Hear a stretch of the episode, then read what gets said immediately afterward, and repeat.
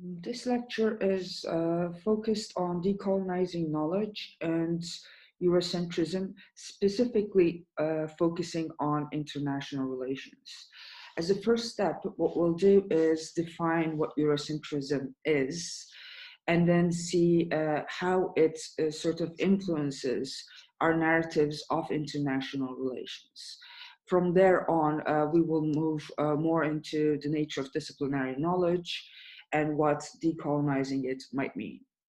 Uh, to start off, then, Eurocentrism uh, is a system of knowledge.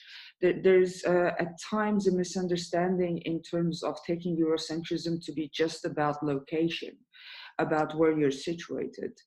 But uh, uh, in reality, it's about a system of knowledge that enacts spatio-temporal hierarchies that puts Europe at the center and as the originator of most developments that we characterize as being progressive. Uh, what does the spatio-temporal hierarchies mean uh, is the question then.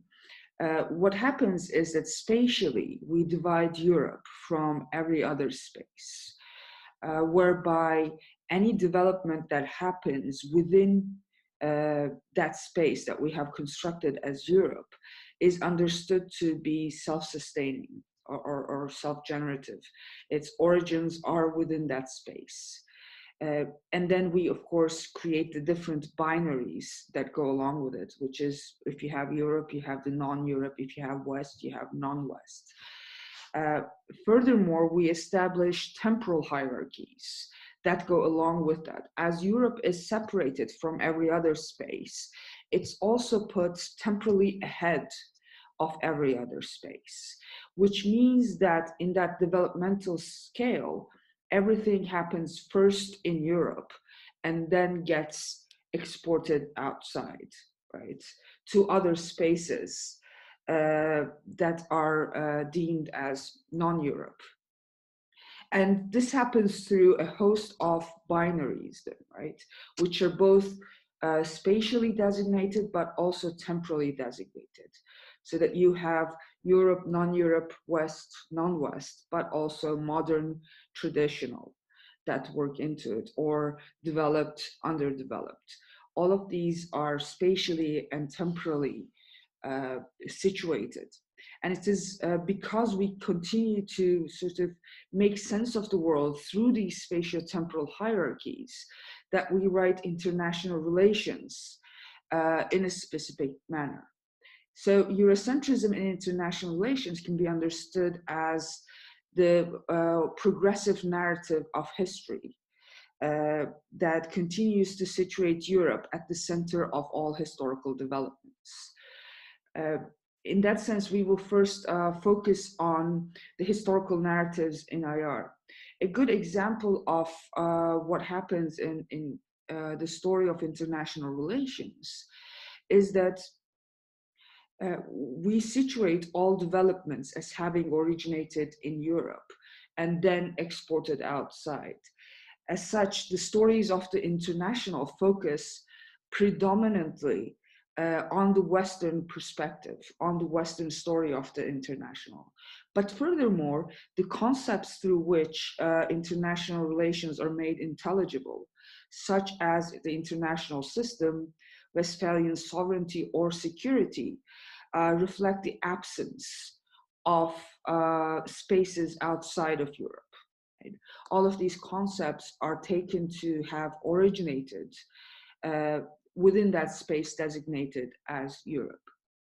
Uh, a good example of that is uh, the way in which we talk about the expansion of the international system, whereby we talk about it as if uh, the evolution of the international system uh, started in Europe and then was expanded outside as other uh, political entities became independent. Right? Uh, but the telling the story of the evolution of the international system in that manner completely overlooks that it happened at the same time as imperialism and presents an incomplete picture to us, right? Because the European space was not separate from all other spaces. There was constant interaction, there was constant communication that was ongoing, uh, which means that the story of the development of uh, the international system is at best an incomplete one. And this is why uh, within the, the narrative of international relations, uh, it is important to ask a series of historiographical questions in order for us to uh, problematize uh, what it is that might have been overlooked, what it is that is, might be missing from these narratives of international relations. And part of the question, uh, questions to be asked are, how was the story framed? Uh, what were the periodizations made? how did these framings, periodizations, classifications fit into the general narrative of events? And who was the subject of history?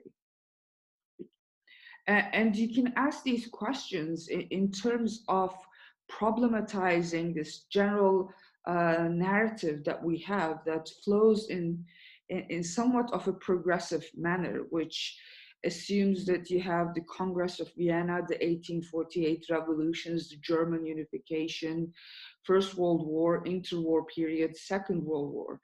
Uh, the way we tell these events in these consecutive uh, manners, uh, again, is, is focused primarily on the Western story. Uh, but even more so, because of that structures, what we find to be important when we discuss international relations. Uh, if we uh, focus on the story as it is set, uh, balance of power becomes a very important point to underline. But uh, if we do take into account that all of these developments, all of these events were happening at the same time as imperialism, uh, empire becomes a very important part uh, of international relations. As such, telling the story in one manner as opposed to another manner uh, does influence which categories, which uh, problems become uh, more important in international relations. In a sense, it, it, structures what becomes visible to us as a problem to solve and what remains invisible to us as a problem uh, that we're unable to see. Uh, and one of the ways in which um, post-colonial uh, international relations specifically has addressed this issue uh, has been through underlying what is called entangled or connected histories. Uh, connected histories uh, specifically is put forward by Sanjay Subrahmanyam and furthered by the work of uh, Gurminder Bhambra. Uh, and, and what it underlines uh, predominantly is to go beyond that spatial separation that is part of Eurocentrism as a system of knowledge, right? So rather than taking everything that happens uh, as solely happening in Europe or originating in Europe, uh, we look beyond those spatial separations and see how all events are connected with each other. Because what uh, sort of Eurocentrism as a system of knowledge does is analytically separate uh, spaces uh, in order to sort of uh, limit the way in which we can think uh, of possibilities. And what Connected Histories does is sort of underline that the spatial separation needs to be rethought because uh, if we do take into account uh, what was happening uh, during those times, uh, during the 19th century, uh, as was mentioned, it was also a time of imperialism. Nothing was happening in isolation uh, from the imperial connections. Right? So it is actually impossible to talk about any development uh, without taking into account that it happened at the same time as imperialism. They were all shaping each other. Uh, another important aspect of this is uh, one aspect is, of course, the, the uh, connections. The other aspect is, uh, as I mentioned before, what becomes visible or invisible to us within the, the structure of the narrative of international relations that we have. And, uh, and a good example of that is the discussions on the Haitian Revolution. Uh, whereby uh, especially Robbie Shilliam and Siba Grovogui have done a lot of work. Uh, and when you, uh, what happens is within our, our, our, structure of the narrative of international relations, which goes from, uh, like I mentioned, the French Revolution to the Congress of Vienna and 1848 revolutions, we have a, set, a certain narrative of progress that is constantly situated within the space designated as Europe. And uh, in that narrative, once you put in uh, the Haitian Revolution into that narrative, the centrality of Europe actually uh, becomes questioned. Right?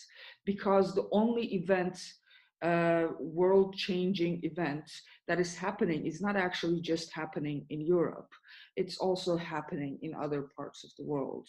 And once you add that to the narrative, who is the agent of progress or who is the subject of history can change.